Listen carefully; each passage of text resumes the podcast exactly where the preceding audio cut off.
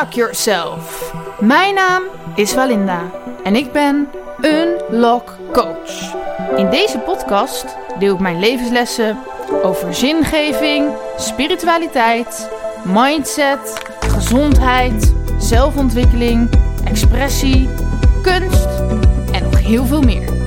Ook interview ik inspirerende mensen over deze onderwerpen. Dus luister je mee? Ik heb weer een gast en dat is Maartje Koper. En er ging even wat mis. Ehm, maar eh, ik vertelde dus dat ik vroeger heel erg, of nog steeds ben ik fan van je, maar vroeger keek ik heel erg tegen je op. En daarom is het zo grappig dat jij dus nu hier bent, zeg maar. Omdat, ja, vroeger was ik de hele aan het afstemmen van... oh, ik wil met Maartje dit en dat. Afstemmen voor de mensen die dat niet weten. Dus dat ik dus elke ochtend ging opschrijven en voelen... en uh, ja, de energie opwekken dat ik Maartje echt zou ontmoeten. En uh, ja, jij voelde dus echt een beetje als een soort idool. En nu zit je hier gewoon, zeg maar. En voelt het helemaal niet zo heel raar, omdat ik niet meer zo tegen mensen opkijk. Ja. um, ja. Dus mijn eerste vraag is, of wil je nog uh, daar Nee, nee, ik ben helemaal oké. mijn eerste vraag is, wie ben je? Ja, ja dus oké, het voornaamste waarvoor ik hier ben, dat ga ik tenminste van uit, is dat ik een fascinatie heb voor de wet van aantrekkingskracht en hoe we onze realiteit creëren. Dus toen ik begin twintig was, heb ik een soort spirituele ontwaking uh, gehad. Ja, misschien vertel ik daar zo wel iets over, maar anders wordt de intro zo lang. En ja, toen kwam ik tot de realisatie: oh wauw, we creëren onze eigen realiteit. Het is niet iets wat ons overkomt, maar met ons bewustzijn kunnen wij gewoon dit vormgeven. En toen ben ik daar alles over gaan leren. En een jaar of zeven geleden, in 2014, ben ik mijn eigen bedrijf gestart en ben ik dat aan andere mensen gaan eh, doorleren. En ja, dat is een beetje het voornaamste wat ik eh, doe met mijn uh, leven. Mhm. En uh, ja, het is ook gewoon echt zo'n belangrijk onderdeel van wie ik ben. Dus mijn hele leven draait daar eigenlijk omheen. En ja, daarnaast heb ik een dochtertje, Amy, die is 11 jaar. En ik ben gescheiden afgelopen jaar. Dus ja, weer een hele nieuwe fase aan het ontdekken nu. Je zegt dat gescheiden bijna vrolijk. nee, maar je zegt gescheiden met zo'n Ja, maar ik, ik zie het ook niet als, een, als een groot ding. Want ja, um, mensen komen en mensen gaan en situaties komen. Situaties gaan. Niets in het fysieke leven is voor altijd. En als je daar mee in mee kan bewegen. En mhm. betekent niet dat ik het makkelijk vond toen ik tot de ontdekking begon te komen van... Oh, wacht even, deze relatie uh, klopt niet meer dat was niet makkelijk, want dan moet je natuurlijk wel afscheid nemen van iets wat gewoon in de kern heel vertrouwd was. En hij representeerde altijd veiligheid voor mij. Ik voelde me altijd heel onveilig in het leven. En toen ik hem tegenkwam, eh, Bob, eh, mijn ex-man, hij uh, stond symbool voor mij voor veiligheid. Ik wist gewoon, hij gaat mij nooit pijn doen. Hij gaat mij nooit kwetsen. Hij gaat er altijd voor mij zijn. Maar goed, dat, uh, ook al is onze relatie veranderd, dat is nog steeds zo. We zijn er nog steeds altijd voor elkaar. Dus Oké. alleen andere vorm. ja, en wat, met wat meer afstand. Ik zit voor de zekerheid, ik zou nog iets dichter bij de microfoon kunnen zitten, omdat ik dan bang ben dat we misschien niet goed genoeg zouden kunnen horen. Is goed. Um, nou, dus je behoudt je vooral bezig met de wet van aantrekking. Ja. Maar als je het nu allemaal op een rijtje zou moeten zetten wat je doet, hoe zou je dat omschrijven? Ja, dus ik help mensen in de eerste instantie uh, om te ontdekken hoe, hoe ze een realiteit creëren. Ja, ik doe het door middel eigenlijk van vooral van online programma's. Ja, voor coronatijd ook heel veel events, maar vooral online programma's nu. Ik heb eigenlijk vier ja, scholen omdat ik het heel interessant vind van ja, wat we op school leren, dat is eigenlijk best wel ja, gericht op de oude wereld, hè, de 3D-wereld. En er is een hele nieuwe ja, um, realiteit aan het ontstaan. En hoe, wat heb je dan nodig, of welke kennis of welke vaardigheden heb je nodig om mee te gaan in die beweging naar die nieuwe aarde? Dus ik heb vier scholen. School voor Wonderen leer ik mensen hoe ze een realiteit creëren. En ik heb de Geld is Liefdesschool, leer ik hm. mensen over geld manifesteren en geld verdienen. En uh, ik heb zielsmissieschool, leer ik mensen hoe ze een zielsmissie ontdekken en daar geld mee verdienen. En uh, de, mijn nieuwste school, School voor Liefde en uh, Verbinding, ga ik mensen alles leren over harmonieuze relaties creëren. Oeh. Ja. en ik zit dan die eerste en die derde vind ik eigenlijk nog wel op elkaar lijken als ik het zo snel hoor. Maar... Welke? Eh, dus je zei... ja. Wonder- en zielsmissieschool. Nou, maar het is op zich wel iets totaal anders. Want je, je komt altijd eerst tot de ontdekking, creëer maar realiteit. Maar wat ik vaak eh, dan bij mensen zie, is dat ze... Ja, ze hebben ofwel een onderneming, maar niet wat ze echt behoren te doen. Of ze zitten in loondienst, of ze hebben een uitkeringssituatie. Of net zoals ik toen ik tot de ontdekking kwam, eh, hè, we creëren onze eigen realiteit, zitten mensen vaak in een contrastrijke situatie. Dat het ego een soort van losgeschud wordt. Dus dan leven ze hun zielsmissie nog niet. Dat komt daarna pas. En dan, dan denken mensen: wow, als ik alles kan creëren wat ik wil, dan wil ik ook iedere dag gewoon alleen maar doen wat ik leuk vind en waarvoor ik hier ben. En andere mensen helpen en leuke dingen doen. En hoe ga ik dat dan doen? Hoe Ja. verdien ik daar mijn geld mee? En hoe verdeel je dat dan over je tijd? Vier scholen? Of dat zijn dan eigenlijk vier online opleidingen? Ja, maar nou, ik heb het gewoon praktisch ingedeeld hoor. Ik denk dat het totaal oninteressant is voor je podcast. Nee, maar het klinkt zo van... eh, vier scholen klinkt echt zo van dat je het ene moment daarheen moet rennen. En dan, Nee, maar dat nee, zal nee, dus want het is allemaal online Ja, ja. en we hebben het gewoon heel handig ingedeeld. Dus eh, dat is allemaal geen probleem. Nee. Ehm, Oké, en hou je verder nog... Niet, niet dat ik denk dat je nog veel tijd overhoudt. Maar hou je dan verder daarnaast nog met dingen bezig of hobby's? Of... Nou, ik vind het leuk om dingen met mijn vrienden te doen, maar mijn werk is wel mijn hobby. Ja. Dus eh, ja, ik hou wel van wandelen en van in de natuur zijn en mediteren. En ja, het is eigenlijk gewoon echt heel saai. Oké. En ja, leuke dingen doen met mijn dochter. Ja. Dus eh, we gaan elke week naar de manege en dat soort dingen. Dus. Ehm, en eh, jouw missie op aarde is, dat was eigenlijk mijn vraag, de volgende vraag, maar die heb je nu dus eigenlijk al gezegd, van, is dus de, je, mensen leren hoe je je realiteit creëert. Ja, in ieder geval het zelf leren. En dan, ja, is wat je weet eh, om dat door te leren. En hoe weet je dat dat je missie is? Ja, dat. ehm, ik was ooit eens in een eh, sessie met iemand die ehm, eh, je in contact brengt met je gids. Ja, we hebben allemaal één of meerdere gidsen.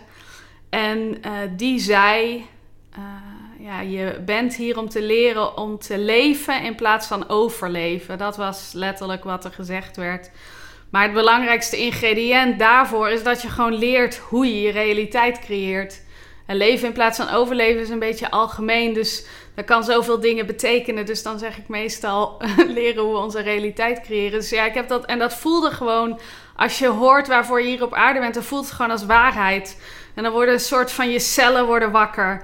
Of je bewustzijn wordt wakker geschud. Je weet gewoon op een. Waarheid voelt altijd licht. Waarheid voelt altijd kloppend. Dus als jij iets hoort en het voelt zwaar. Ja, dan is het het nog niet. Of er zit nog een waarheid onder. Maar zodra jij iets ontdekt wat voor jou waarheid is, dan, ja, dan, dan ehm, gaat je energieveld open. Ik denk dat je dat wel herkent, ja, toch? zeker. Ja. Ja. Het resoneert, Ja. zoals eh, ze dat zeggen. Oké. Ehm, en ehm, hoeveel mensen werken er nou eigenlijk met jou of met wie werk je allemaal samen? Hier? Nee, op zich niet zoveel. Ik, Oké. had, be- ik ha- had in het verleden best wel een groot team. Maar toen merkte ik van ja, als ik dat zo uit ga bouwen op die manier, ik, ehm, dan raak ik gewoon kwijt wat ik hier behoor te doen. En want dan heb je heel veel mensen die dingen voor je doen. En ja, ik had nog niet de skills om dat allemaal aan te sturen. Ehm, dus ja, dat, dat werkte niet voor mij zoals, dat, zoals ik dat fijn vond. Dus ik heb dat op zich gewoon allemaal teruggeschaald. En ik, ik werk samen met mijn ex-man. Hij, doet, hij ondersteunt mij in alles. Dus hij ehm, ja, doet al het praktische. En hij heeft contact met alle klanten. En als iemand iets nodig heeft, dan gaan ze naar hem toe. Ja. En hij stuurt ook zeg maar het team aan. Dus we hebben een ehm, boekhouder, iemand die de techniek doet en iemand, eh, iemand die ehm, de, ehm, ja, wat een virtual is assistant of ja, dat is eigenlijk een, geen goede naam voor haar, maar ze doet wat strategische online zaken ook voor ons en zo. Dus, en dat redden we prima zo met Oké. z'n eh, vijven. Ja. ja, dat is op zich ook wel lekker overzichtelijk. Hè? Als je, anders moet je ook allemaal de hele tijd die manager spelen, zeg maar. Ja, precies. En dat moet je wel leuk vinden. Ja. Dus, en ik had toen de manager aangenomen, maar ja, je, je kunt niet de verantwoordelijkheid uitbesteden. Wat jij in je leven brengt, wat jij, dat, dat moet je nog steeds zelf creëren. Ja. En ik merkte van ja, ik heb daar helemaal geen zin in. En het is ook niet nodig voor mij om een heel groot team te hebben. En als ik merk dat het ooit zich uit moet breiden of dat het bedrijf groter gaat worden, dan gaat dat gewoon organisch. En dan komen zaken op mijn pad. En dan is het niet een plan wat ik bedenk, maar dan is het gewoon iets wat zich ontwikkelt. En dat voelt gewoon ja, veel fijner. Dus je had met dat team wel echt een plan bedacht dan? Of? Ja, ik dacht van, nou, het, het, kwam wel echt voort vanuit een soort van beperkende overtuiging. Want ik was natuurlijk zo gegroeid met mijn bedrijf. En ja, toen dacht ik, toen kwam ik in al die ruimtes of situaties waarin mensen, waarin er allemaal van die serieuze ondernemers waren. En dan vroegen mensen: wat doe je aan? Eh, wat doe, hoe doe je dit? Hoe creëer je dit succes? En toen dacht ik: ja, weet ik veel. Ik doe maar wat. Mhm. Wat ik eigenlijk gewoon deed, ik, de, ik, de, ja, ik vanuit mijn passie of mijn enthousiasme uh, verzon ik dingen die ik leuk vond. En die bood ik te koop aan en dan gingen mensen dat kopen. Het was niet heel ingewikkeld. Mhm. alleen mijn, al mijn liefde en mijn enthousiasme zat erachter. En alleen toen kwam ik dus in die ruimte en toen gingen mensen dat vragen. En toen dacht ik, ja, nu moet ik eh, dat ook wel serieus aan gaan pakken. Of nu moet ik... Het leek alsof ik mijn succes moest bewijzen. En dus toen dacht ik, toen ging ik kijken hoe al die mensen dat deden en ging ik proberen om dat te kopiëren. En ja, dan raak je jezelf gewoon helemaal kwijt. Dus daar, dat is wel een hele belangrijke les geweest. Dat ik dacht, ja, nee, dat, dat je hoeft ook nooit iemand anders te worden dan jezelf. Nee. Want ik ben gewoon een creatieveling en ik vind het gewoon leuk om dingen te creëren. En die lanceer ik. En ja, daar haken mensen op aan of niet. En beide is oké. Ja. Uh, en ja, zo simpel is het. Moeilijker dan dat hoef je het ook niet te maken. Dus ik ging gewoon iets doen omdat ik me bijna een soort fraudeur voelde. Van dat je per succes hebt. Ja. En ik dacht dat ik daar een strategie achter moest zetten of zo. En ja, toen deed ik dat en toen dacht ik, ja, dit, is, dit slaat helemaal nergens op. Want dan raak je jezelf kwijt. Ja. En ik denk, ja, ik moet gewoon echt mezelf blijven. Dat is het allerbelangrijkste. Maar, nu zeg je alsof je per ongeluk succes had. Maar je was daarvoor denk ik al wel daar ook op aan het afstemmen, neem ik aan. Nee, 100%. Maar dat is het belangrijkste. ja, want anders klinkt het alsof het je overkwam van, oh, ik ben Nou, dat was eigenlijk ook wel een beetje zo. Want, ja, want ik uh, wilde al best wel lang dit bedrijf starten. Maar ik zat in loondienst en het was echt zo van, ja mijn baan loslaten en dat is wel lastig. Hypotheek, eh, gezin, uh, kindje. Um, uh, mijn man verdiende niet, of ja, toen nog mijn man, nu mijn ex-man, hij verdiende niet genoeg om ons allebei te onderhouden. Dus ja, wat doe je, wat doe je? Dus ik heb daar best wel lang over nagedacht. En op een gegeven moment dacht ik, ja, kom op Maart, je weet genoeg van de wet van aantrekkingskracht. Je hebt zoveel dingen gemanifesteerd, je hebt jezelf helemaal geheeld. Je hebt hè, je verslaving geheeld, je depressie geheeld, je burn-out. Je hebt je, hè, die soulmate-relatie gemanifesteerd. Je hebt je huis gemanifesteerd. Je manifesteert auto's. Je manifesteert. Ja, ik manifesteerde op mijn werk allerlei dingen. Dan had bijvoorbeeld iedereen probleem met één leidinggevende. En ja, ik totaal niet. Omdat ik gewoon wist hoe ik mijn energie moest richten. Dat, um, dat ja, ik gewoon harmonie met hem had. Dus ik dacht, ja, je kan dat allemaal. Jij kan ook een bedrijf manifesteren. dus jij gaat gewoon die kennis die je hebt opgedaan, ga je gewoon pakken en die ga je uh, daarop richten. Je gaat gewoon beslissen dat het gaat lukken en je gaat gewoon geen andere kant meer opkijken. Uh, dus ja, dat heb ik zo gedaan. Maar als je het eenmaal doet, dan zit er toch altijd een zekere onzekere een zekere onzekere component, maar een onzekere component. Want mhm. je weet het niet 100% zeker. Nee. je hebt een concept wat op andere gebieden in je leven werkt. En werkt het dan ook met uh, business en marketing en geld verdienen. Dus ja, dat moet je wel uitvinden. Maar toen dacht ik later, ja, dit werkt. Ja, oh ja, dit werkt ook. Ja. Alleen toen ging je dus, nadat je dus je eigen manier werkte, toen dacht je opeens van, oh, maar nu moet ik het ook doen zoals anderen het doen. Ja, want ik dacht, ja, dat, uh, ja, nou goed, ik heb het net helemaal ja. verteld, anders val ik in herhaling. Ja. Oké. Okay. Um, misschien is deze een beetje out of the box zo, maar waar geloof jij nou in? Als, als iemand vraagt, waar geloof je in? In creatie. Uh, ik geloof, ja, dat is heel, heel een hele brede vraag. Want ik geloof in een heleboel dingen. Maar ik ga wel gewoon ergens beginnen. Ik geloof dat we in de kern bewustzijn zijn. Mhm. En dat we dachten van laten we onszelf ervaren. En toen hebben we onszelf opgesplitst in al die kleine stukjes, wat we zielen noemen. En als ziel zijn we ja, hier gewoon aan het ontdekken wie we zijn. En aan het ervaren hoe dat we onszelf kunnen ervaren. En dat kan alleen in die fysieke wereld. En dus nu zijn we niet meer één. Nou, we zijn nog steeds één, maar goed, ik kan een gesprek met jou hebben. Dus het is eigenlijk het, altijd hetzelfde bewustzijn, wat we dan ook misschien God noemen, of sommige mensen noemen het God. Dus alles in het leven is God die een interactie met zichzelf heeft. Ja. Dat is wat ik, uh, wat ik geloof. Dan heb ik daar nog wel. Um, want ik ging dus op een gegeven moment ook. Dus even voor de luisteraars die helemaal niks van uh, dit hele onderwerp weten. Ja. Ik heb dus jou heel lang gevolgd. En ik ging elke dag mijn doelen opschrijven. En mm. alles wat ik wilde uh, ja, bereiken in mijn leven. En daarop afstemmen, zeg maar. Ja. Dus me zo voelen. En toen ging ik dus ook opschrijven wat mensen tegen mij zouden zeggen. Ja. En dat gebeurde dus op een gegeven moment ook. Niet alles, hè. Ik heb niet een letterlijk filmscript. Maar, nou ja, mensen gingen gewoon letterlijk dingen tegen mij zeggen die ik had opgeschreven. En toen dacht ik, in hoeverre bestaan die mensen dan echt? nou ja, ik vond het een beetje eng worden, zeg maar. Dat ik dacht, ja, dan ben ik dus echt alleen of zo. Nee, nee, nee. nee. Kijk, wij, wij zijn er allemaal echt. Ja. Daar hoef je je geen zorgen om te maken. Maar er is één bewustzijn. Mhm. En ja, in de wet van aantrekkingskrachtwereld noemen ze het ook wel... Everyone is you pushed out. Dus iedereen is een uitdrukking, een manifestatie van hetzelfde bewustzijn. Dus als jij, zeg maar, iets... Uh, projecteert op dat bewustzijn, dan moeten mensen zo opkomen dagen.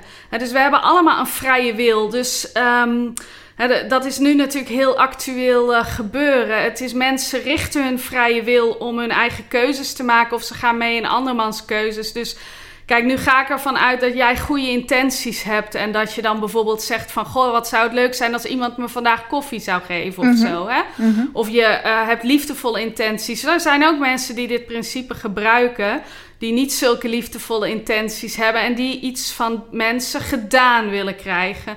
Dus eh, samen een co-creatie of dat jij zoiets hebt van... goh, ik zou mijn muziek zo graag met mensen willen delen... of ik zou die mensen willen helpen of klanten willen krijgen...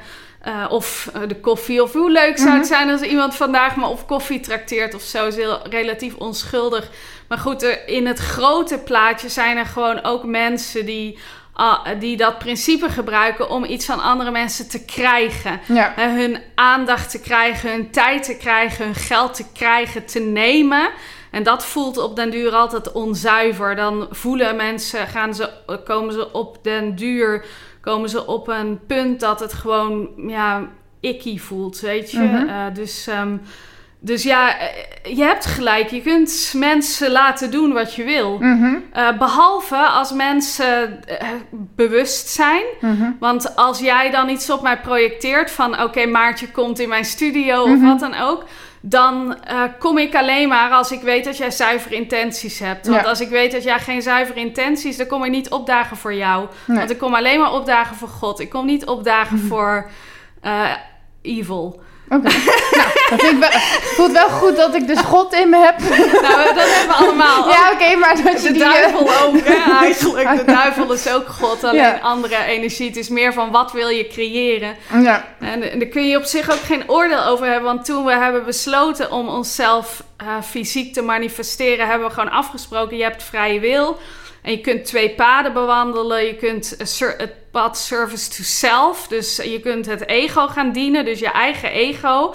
En dat is eigenlijk het uitgangspunt van: oké, okay, deze hele realiteit is een illusie. En het is toch maar een illusie. Dus iedereen is een pop in mijn realiteit. En ik kan iedereen laten doen wat ik wil. Mhm. Dus, en het andere pad is service to others. Dat is hetzelfde uitgangspunt. Er is één realiteit. We zijn allemaal één. Maar waarom zou ik dan iets minder dan het beste voor iemand anders willen? Of het goede voor iemand anders willen? Dus ik dien de mensheid. Ik dien andere mensen. En ik ja, pak niets van ze. Ja. Dus het uitgangspunt is hetzelfde, maar de intentie is wezenlijk anders. En, maar soms vind ik het wel lastig om van waar dat verschil ligt, zeg maar. Want in principe als ik, nou, nu zou willen dat jij koffie voor me haalt, wil ik niet, maar um, dan, ja, erg, ja, als jij het dus heel leuk vindt, is het liefdevol.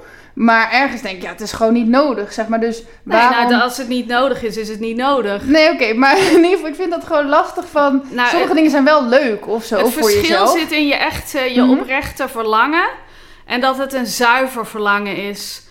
Dus net zoals nu van, ja, wil je dat ik koffie voor je haal? Is het echt belangrijk? Is het echt een verlangen? Draagt Mhm. het echt iets bij aan creatie? Draagt het iets bij aan jouw leven? Draagt het iets bij aan mijn leven? Er zit ook geen energie omheen. Nee. De- als jij zegt koffie halen, dan, ja, is- er zit geen ene. Als ik zeg maar, als je dat uitspreekt, dan denk ik, ja, daar zit niets omheen wat dat gaat manifesteren nu. Nee, omdat het ook nu echt niet mijn Nee, maar het is op zich wel een, Mhm. goed, eh, een goed voorbeeld. Maar als het een intentie is, dan zit er energie omheen. Dus er zit of een liefdevolle ehm, eh, energie omheen, een, een, ja, een enthousiasme. En oh, wat tof dat we dit samen kunnen ervaren. Hè? Van oh, dit is superleuk om te doen. Zoals de uitnodiging voor de podcast. Dat ik denk, ja, superleuk, gaan we doen. Of er zit een negatieve energie omheen. En dan is het een energie van angst en controle. Daar ben ik niet zo vatbaar voor.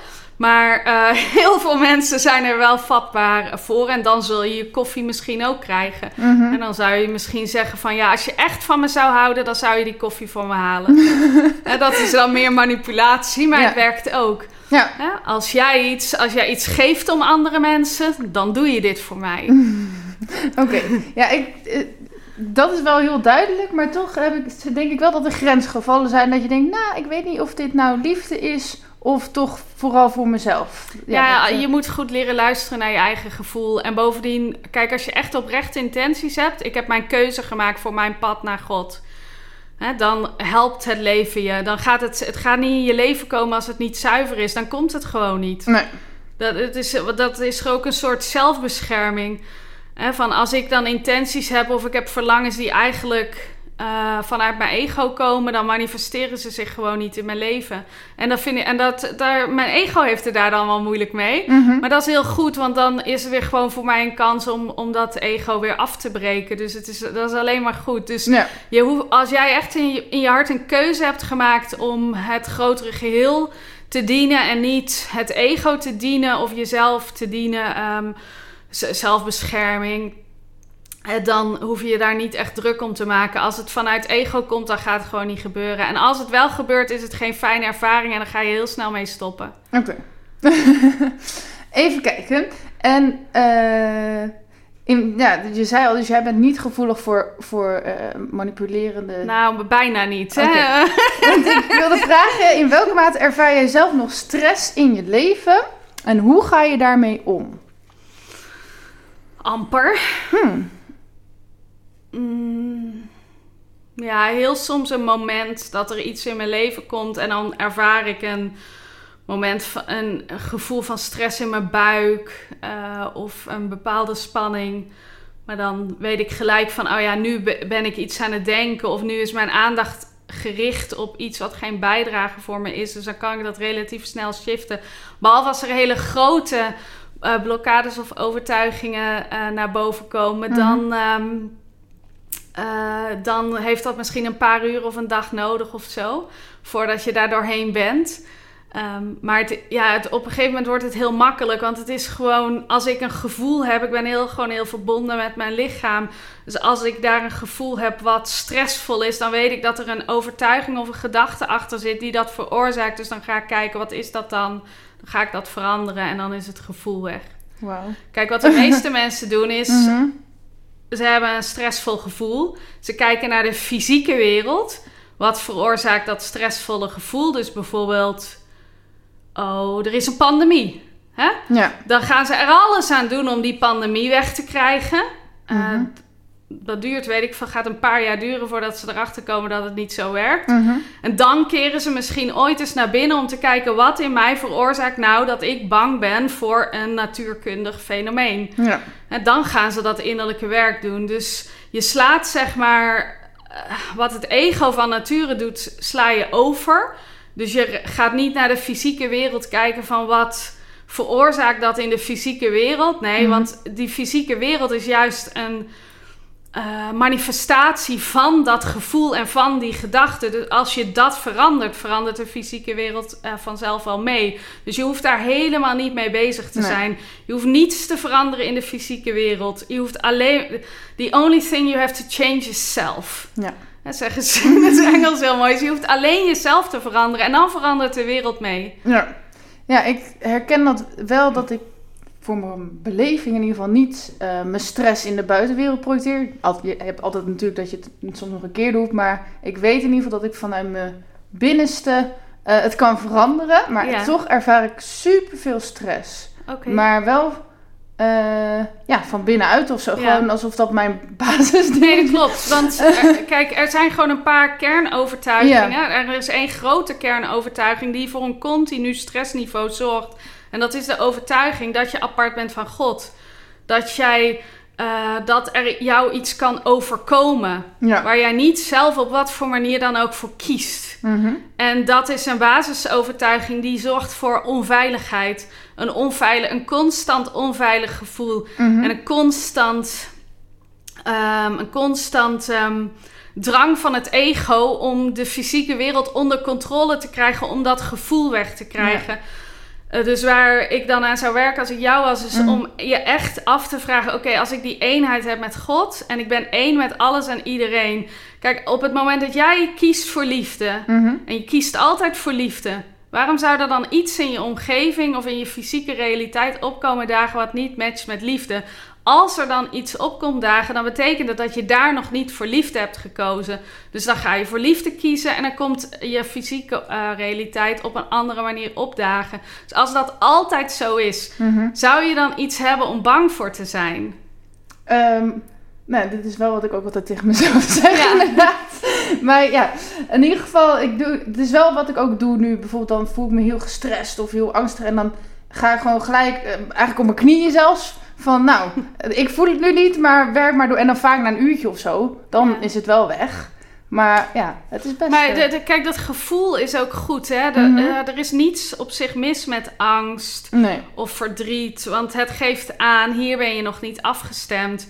En het geeft ook aan, als ik bijvoorbeeld een keuze wil maken en het is niet de juiste keuze, mijn systeem reageert daar heel sterk op. Want ah, ik heb een hoog tolerantieniveau voor eh, weerstand en pijn. Dus op het moment, en dat had ik vroeger toen ik dit nog niet wist, ik ging, heel, ik ging door. Ik ben doorgegaan met, met dingen die niet voor me werkten. Totdat ik die verslaving, burn-out en depressie allemaal in één had. Hè? Dus mijn lichaam heeft gewoon een hele eh, snelle reactie. Als ik keuzes wil maken die eh, niet afgestemd zijn op wat het beste voor mij is, dan gaat mijn hele systeem gaat, gaat in verzet. Ja, dat heb ik ook inderdaad. een, echt een sterk waarschuwingssignaal. Maar goed, dan denk ik dus wel gelijk: oké, ik ben nu van plan om een keuze te maken die niet voor mij gaat werken. Wat ben ik hier aan het kiezen? En wat is de situatie die voor me ligt? En wat, ja, wat wil ik dan kiezen? Of wat zou het beste voor mij zijn? Kijk, en dat vraagt natuurlijk heel veel van ons. Want vaak hebben we situaties waarin andere mensen zitten. En dan, ja, dat vraagt om eh, dapperheid en communicatieskills en eh, ja, om allerlei zaken. Hè? Dus daarom laten mensen gewoon heel veel toe wat misschien niet in hun best, eh, in hun best wil is. Alleen hoe verder je komt in je bewustzijn, hoe lager je tolerantiegrens is. Ik kan bijvoorbeeld, ik kan letterlijk niet een mondkapje opzetten. Ik ben er fysiek bijna, ik, misschien zou ik het kunnen, Mhm. maar alles in me zegt nee. Ja, Ik, ik ga het gewoon niet doen. ja. Ik doe het gewoon niet. Nee. Ik weiger. Mhm. Ja. Mooi. ja, denk, maar eh dat mondkapje heb ik het minder mee. Maar, maar eh, ja, ik, ik ben wel. Ik heb wel eh, mijn overtuigingen daarover hoor, maar die wil ik niet veel uitspreken naar mensen, want ik hou niet van die discussies. Maar ehm, eh, wel echt gewoon met dingen die ik dan doe in mijn leven, zeg maar. Dan eigenlijk alle, ja, heel veel in mijn leven is gewoon bijna nooit gelukt, zeg maar. In mijn eigen hoofd dan, hè. Omdat ik dus gewoon altijd de verkeerde dingen deed. En de dingen die dus, bijvoorbeeld deze podcast, dat gaat super makkelijk. En dan, ja, ik ervaar alleen stress van tevoren heel erg, omdat ik het heel graag heel goed wil doen. Ja.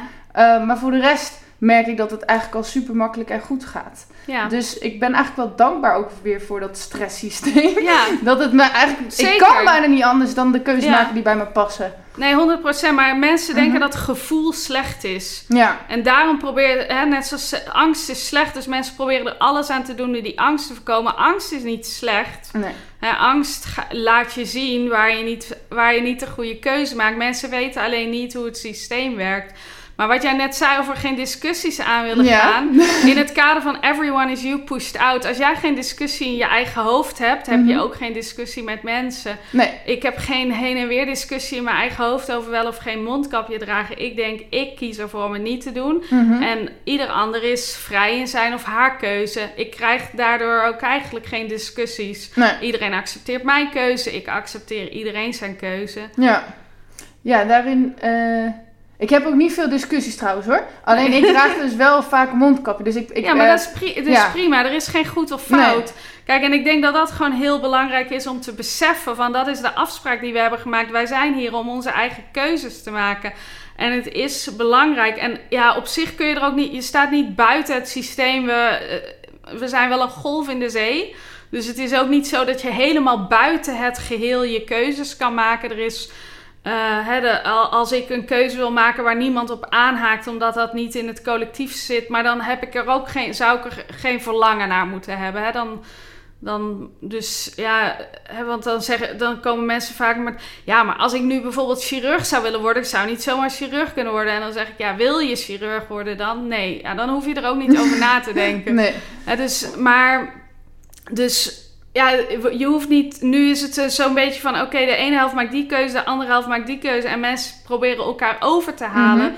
Ja, dat, dat kan niet. Dat Nee. ga, dat, het heeft geen functie, het heeft geen nut. Het enige is het omdat mensen dus denken dat iets in de fysieke wereld voor hun gevoel zorgt. Of dat andere mensen dus eh, invloed kunnen hebben op hoe zij hun realiteit creëren. Omdat mensen gewoon nog niet weten hoe dit werkt. Ja.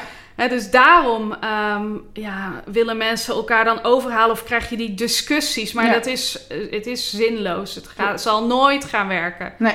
Nou ja, omdat ik dus zelf inderdaad die discussie ook niet opzoek, heb ik ze ook niet. Maar ik eh, draag dus bijvoorbeeld in de supermarkt wel mondkapje. Terwijl ik eigenlijk ten diepste zou ik dat dus, eh, denk ik dat dit niet ja, zo bedoeld is, zeg maar. Ja. Ehm, maar dan denk ik van ja, ik sta gewoon daarin nog niet zeker genoeg. En ik vind het niet heel vreselijk om het te dragen. Dus daarom draag ik dus zelf wel een mondkapje in de supermarkt Ja. bijvoorbeeld. Maar ja, dat, Ja. Is, dat is helemaal prima. Maar Ja. voor, voor mij denk ik van ja, waarom zou ik het doen? Omdat ik dan bang ben voor een boete of omdat ik bang ben voor oordeel. Ja, het is allebei geen goede reden. Of, Nee. ik, weet, ik weet niet, eh, voor mij, ik, ja, ik, de, voor mij is er geen goede reden om het te doen. Nee. En dan ben ik ook nog wel weer... Want als je echt alles als je realiteit ziet... Ja. Ja, zo zie ik het ook, maar ik begrijp het dan nog niet, zeg maar. Waarom hebben we dan nu corona in de wereld en, eh, en allemaal mensen met mondkapjes om ons heen, hè? Ja, dat is een hele goede vraag. Ik denk dat het voor iedereen zeg maar Mhm. een eigen reden heeft. In een, ieder, voor iedereen heeft het een persoonlijke betekenis. Iedereen heeft zijn persoonlijke lessen. In het groot zijn er een paar, eh, zijn er een paar dingen, want ze noemen deze tijd ook wel de grote ontwaking. Hè, dus het is eigenlijk ehm, een ontwakingsproces. Dus het ego heeft iets gepakt wat eh, het iets, eigenlijk iets willekeurigs. Het had net zo goed iets anders kunnen zijn, maar het is een, een, eh, een epidemie of een pandemie of een, een virus. Hè, En daar projecteert eh, dat ego dan iets op om het vast te kunnen houden.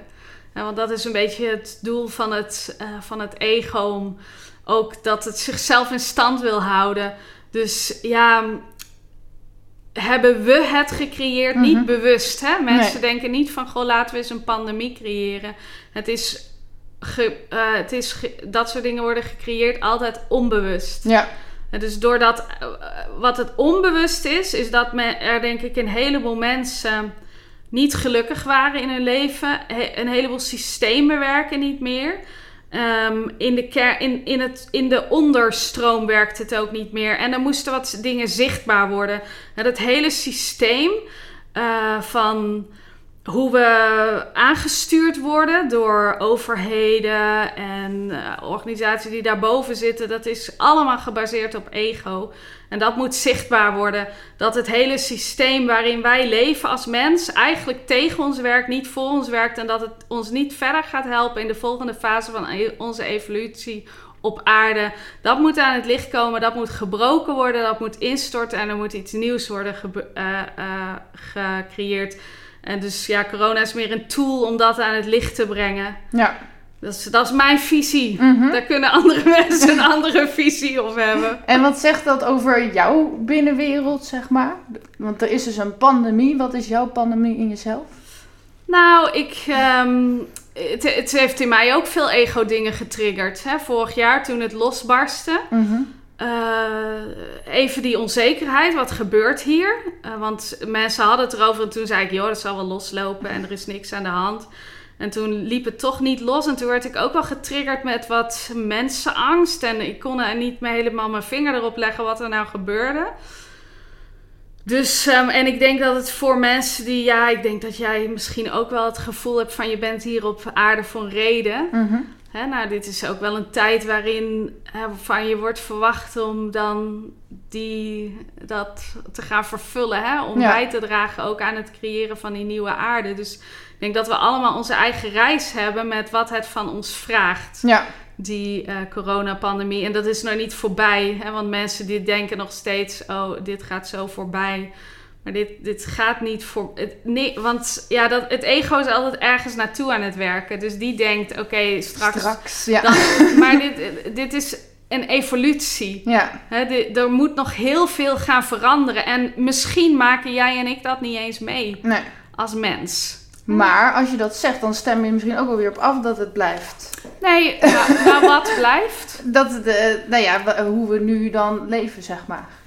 Nee, nee, nee, dat blijft niet. Oké. Nee, zeker blijft. Nee, dat kan niet. Oké. Nee, want men- de, de mensen zijn helemaal niet gemaakt om op deze manier eh, qua onderdrukking te leven. Dat gaat barsten. Ja. vroeg of laat. Alleen ik weet nog niet wanneer.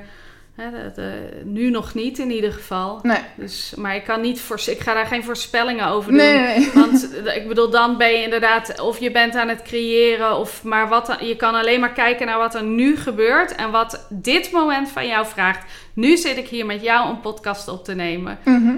Hè, Ja. dus, en wat er morgen gebeurt of volgende maand. En je kan misschien wel een beetje invoelen. Ik kan wel invoelen op het veld wat er potentieel zou kunnen gebeuren. Mhm. Maar dat, zelfs dat wordt al gevaarlijk, want dat is mijn gevoel. Ja. Dat, is mijn, dat is mijn eigen gevoel. Wil ik daarop afstemmen? Wil ik dat dat gebeurt? Nee, ik stem me af gewoon op de nieuwe aarde. Ik stem me af op ieder moment keuzes maken vanuit liefde en dingen zien vanuit liefde. En dat gebeurt altijd in dit moment. Ja. En niet in de toekomst. De toekomst bestaat niet, Nee. want het is altijd dit moment. Alleen maar nu, nu, nu, nu. Ja, precies. Het eeuwigdurende nu. ja. Ehm, kun jij nog wel goed eh, niets doen of lui zijn? Zeker. Oké. Want voor mij voel je natuurlijk alsof jij altijd sprankelend aan het werk bent. Ik mediteer heel veel. Ik ben heel veel in de natuur. Oké. Ja, ik mediteer heel veel.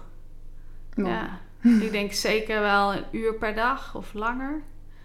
Maar is, is dat dan gewoon een uur lang ademhalen? Of eh Ja, gewoon liggen en zijn. En of gewoon eh, energie voelen of energie shiften. Als ik voel dat er dingen eh, zijn, dat het, dan richt ik daar maar aandacht op. Of dan heb ik een gesprek met die energie. Of, ja, of gewoon inderdaad gewoon niets en alleen maar zijn. Oké. Ja, ik doe ook wel meditatie en veel yoga en zo. En dan na een poosje, dan, dan voel ik ook echt wel die rust en dan kan ik het. Maar om ermee te beginnen, dan... Of gewoon een luierdagje, zeg maar. Dat je helemaal niet bewust mediteert, maar gewoon eh, een dagje in je bed blijft liggen of zo. Dan voel ik me de hele dag schuldig van... Ja, maar ik zou eigenlijk dit moeten doen en dat moeten doen. Want anders dan word ik niet succesvol. Dat Mhm. soort stemmen, zeg maar. Ja, Heb je dat nog? nee. Oh. Ik denk gewoon van ja, er is gewoon één, in ieder moment voelt iets het allerbeste om te doen. En als het voor mij het allerbeste voelt, echt oprecht het allerbeste, om in mijn bed te liggen een avond, Mhm. dan doe ik dat. Ja, Want dat is dan eh, wat het beste voor mij is. Alleen ja, de meeste mensen doen dat vanuit zelfsabotage. Dus ze voelen eigenlijk dat ze iets anders zouden willen doen, maar ze doen het niet. Dus als jij voelt van ik wil in mijn bed liggen, dan moet je je daar helemaal aan overgeven en daar het beste van maken. Als je eigenlijk voelt dit is sabotage, ik zou eigenlijk dit willen doen, maar ik ga in mijn bed liggen of ik ga tv kijken of ik ga Netflix kijken of weet ik veel wat omdat ik niet dat andere wil doen of ik durf dat andere niet aan te kijken, ja, dan moet je een andere keuze Ja. maken. ja. En dan moet je jezelf niet voor de gek houden. Nee. Niet we- weglopen van wat er echt aan de hand is. Mhm. Ja. Nee, ik denk dat dat het niet is. Het is juist dat ik vroeger dat heel veel deed. Hmm. En eh, ja, dus nu doe ik volgens mij veel meer dingen. Alleen nog steeds alles wat eh, met lui voelt, zeg maar, dat, dan ga ik weer van, oh shit, straks word ik weer zo lui als vroeger, zeg maar. Zo. Ja, maar ik, ik zou het ook nooit zeggen als lui. Lui is ook een eh, oordeel, hè? Ja. Ja, ja dat, ehm, zo voelt het voor mij niet. Ik kies dan voor ontspanning of ik kies voor ja, met mezelf zijn of mezelf aandacht geven of mezelf liefde geven. Maar ik zie het niet als luiigheid. Nee. Ik zie het als, ik denk als iedereen een uur, iedere dag een uur zou mediteren, zou de wereld heel anders zijn. Ja. Dus ehm, Ehm, hoe houd je... Ik denk dat je daar, die, dat ook al een beetje hebt beantwoord door te zeggen van... ik stem af op liefde en op God en zo voel ik het. Maar hoe houd je de balans tussen zelfverzekerd zijn en gelijkwaardig blijven? Nou, ik denk dat dat eh, is het, het uitgangspunt dat het niks betekent. Kijk, als jij vanuit jouw ego zegt: Ik heb iets heel goeds gedaan. Hè, eh, ik ben beter dan de rest, want ik heb een bepaalde bewustzijnsontwikkeling. Eh, dan kun je het gelijk wegstrepen, want dat is je ego.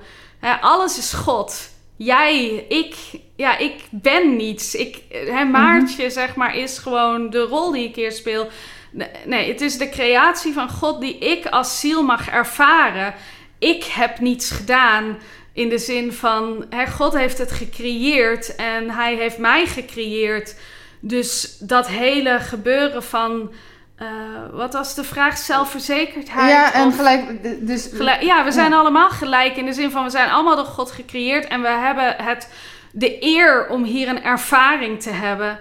Dus ik ben niet geweldig omdat ik een groot bedrijf eh, heb opgebouwd. Ik heb de eer om dit te mogen ervaren. Ja, Hè, dus, en ik denk dat dat gewoon je nuchter houdt van ja, zelfverzekerdheid komt niet zozeer van ik ben goed als Maartje of als mens of kijk mij eens goed zijn of kijk mij eens goed voor al die talenten hebben of die speciale dingen of het is meer van ja een bepaalde nederigheid van ik heb dat dat is me gegeven. Hè, dat, is me, dat is me gegund. En daar, daar ben je dankbaar voor. mhm. Ik denk dat dat, al- eh, dat op het moment, stel bijvoorbeeld je bent heel trots op jezelf omdat jij goede dingen doet. Mhm. Dat zou ik dan vervangen door dankbaarheid. ja, ja, ja. Ik ben bijvoorbeeld, ik kan zeggen van, oh, ik ben zo trots op mezelf dat ik dit bedrijf heb gebouwd. Dan eh, kan je snel richting de ego-kant gaan als je daar gevoelig voor bent. Maar als je dat shift in, ik ben zo dankbaar dat ik de kans krijg om dit bedrijf op te bouwen. Dan shift je gelijk naar een energie, andere energie. Voel je het verschil? Ja, ik voel zeker het verschil. Ehm, alleen er zijn er ook weer mensen die hier minder mee bezig zijn, zeg Ja. maar. Mensen die dan zeggen, ja, maar waarom mag je niet gewoon hè, trots zijn op jezelf? Nee, dat mag, dat mag absoluut. Ja. Dat mag absoluut. Alleen ja, ik heb gewoon wel echt voor mezelf... Doordat alles wat bij mij vanuit ego komt... en bij andere mensen ook... dat dat gewoon destructief is. Om het zo maar even Ja, te zeggen. ja. Het is vals, het is de- destructief, het levert niks op. Het, is, het eh, helpt je dieper de illusie in van iets wat niet echt is... en wat je nooit vervulling gaat brengen. Eh, dus het is een soort valse trots... Ja, Uh, dus als jij zegt van ik heb dit gedaan, dan scheid je je af. Op dat moment scheid je je af van God. Want dan zeg je dat jij iets kunt creëren los van God. En dat is een leugen. Dus eh, dat mag wel. Iedereen mag dat zeggen. Mhm. Ik heb daar niks op tegen. Nee. Het is alleen op een bepaald punt in je bewustzijnsontwikkeling, dan ga je erachter komen dat het je niet gaat helpen om dat soort dingen te, eh, te zeggen. En Mhm. voor, iedereen, voor iedereen komt dat punt op, op een ander moment. ja, Dus ik, ga, ik kan daar niet over oordelen. Ik kan alleen maar zeggen hoe het voor mij is. ja. Nee, ik heb dat ook wat... ehm, ja, bijvoorbeeld die, die stress die ik dus ervaar dan, dat, dat is eigenlijk ehm, mijn ik wat denkt dat ik het zelf moet doen, zeg maar. Waardoor ik natuurlijk helemaal... Ah, Ehm, ja, terwijl als ik gewoon ademhaal en ruimte neem, Ja. dan voel je, hé, hey, ik krijg het, ik ontvang het, dus ik hoef helemaal niet zo gestrest Ja, te zijn, want Ik hoef alleen maar ik hoef plezier te hebben. niks. Ja, Ja. ja. Maar je zei net ook van, dus ik ben eigenlijk niks, ik besta eigenlijk niet, zei je volgens mij zelfs. ja, nou goed, ik, ik ben hier nu. Als Ja. je zeg maar van Maartje is hier in deze ruimte met jou en we Ja. hebben dat gesprek. Maar goed, op een gegeven moment gaat dit lichaam weg. Ja, Hè, dus dit lichaam bestaat straks niet meer. nee. Eh, maar dan ben ik er nog wel. Ja. Eh, ik ben dan weer ergens anders of in een andere dimensie of weet ik veel wat. Ja. En dat gebeurt ook allemaal op dit moment. Alleen ik heb geen contact met wat hier buiten. Ik heb echt zoiets van. Als je erachter kan, als je er enigszins een heel klein beetje achter kan komen hoe deze fysieke realiteit werkt, dan denk ik dat dat al een hele prestatie is. Dus ik ben niet bezig met al die andere Nee, dimensies nee, nee, of levens of wat dan ook. Ehm, vind je het niet... ehm, dus ik vraag deze echt heel erg vanuit mezelf. Dat ik eh, vind het lastig om te beseffen dat je niet bestaat dan, zeg maar. Ehm, dus dat je eigenlijk... eh, want die realiteit die verandert dus continu. Dus er is helemaal niks om je aan vast te houden of klampen. Eh, eigenlijk helemaal geen identiteit. Ja, je kiest hem, maar dat kan ook weer veranderen. Word jij er niet helemaal ja, ik word er dus zelf een beetje gek van. Soms ik denk, ah, wat ben ik nou? Want het verandert de hele tijd. Nee, eh, ik denk als je zegt van ik besta niet, dan doe je Mhm. jezelf een beetje tekort. Kijk, jij als ziel bestaat sowieso wel. Ja. En jij belichaamt Walinda nu. Mhm, Hè? ja. Dus dat... wel. Nee, Ja. dus zowel jouw ziel bestaat als jouw lichaam bestaat. Mhm. Het is alleen, kijk, op het moment dat mensen zich identificeren met dit lichaam. Dus als ik niet zeg ik besta en ik belichaam Maartje, Mhm. maar ik zeg ik ben Maartje, dan, wordt het een, dan wordt het heel, eh, kan het heel angstig gaan worden. Want dan ga ik dus dood straks. Ja. En dan wil ik dus koste wat kost vasthouden aan dit lichaam of wat ik heb of aan mijn jeugdigheid. En als ik ziek word of als ik dood voorbij zie komen, dan krijg ik angst. Want dat betekent dus het einde van mijn bestaan. Ja.